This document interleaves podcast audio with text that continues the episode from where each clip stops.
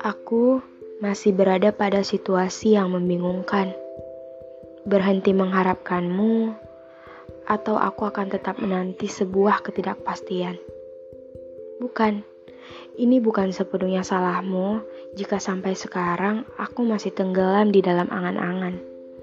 Tapi aku takut dengan kemungkinan yang tidak pernah aku inginkan. Melupakanmu benar-benar tidak semudah saat perasaanku mulai tumbuh. Apalagi berhenti mengharapkanmu. Jujur saja, aku lebih memilih menyelesaikan soal matematika dibanding harus melakukan hal itu.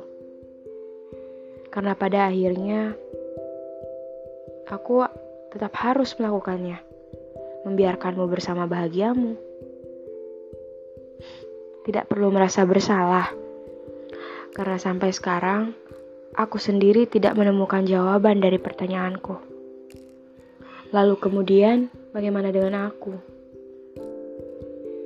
Tenang, aku akan seperti biasanya, memperhatikanmu, membuang semua harapan untuk bersamamu, menjauhimu, dan tetap mencintaimu.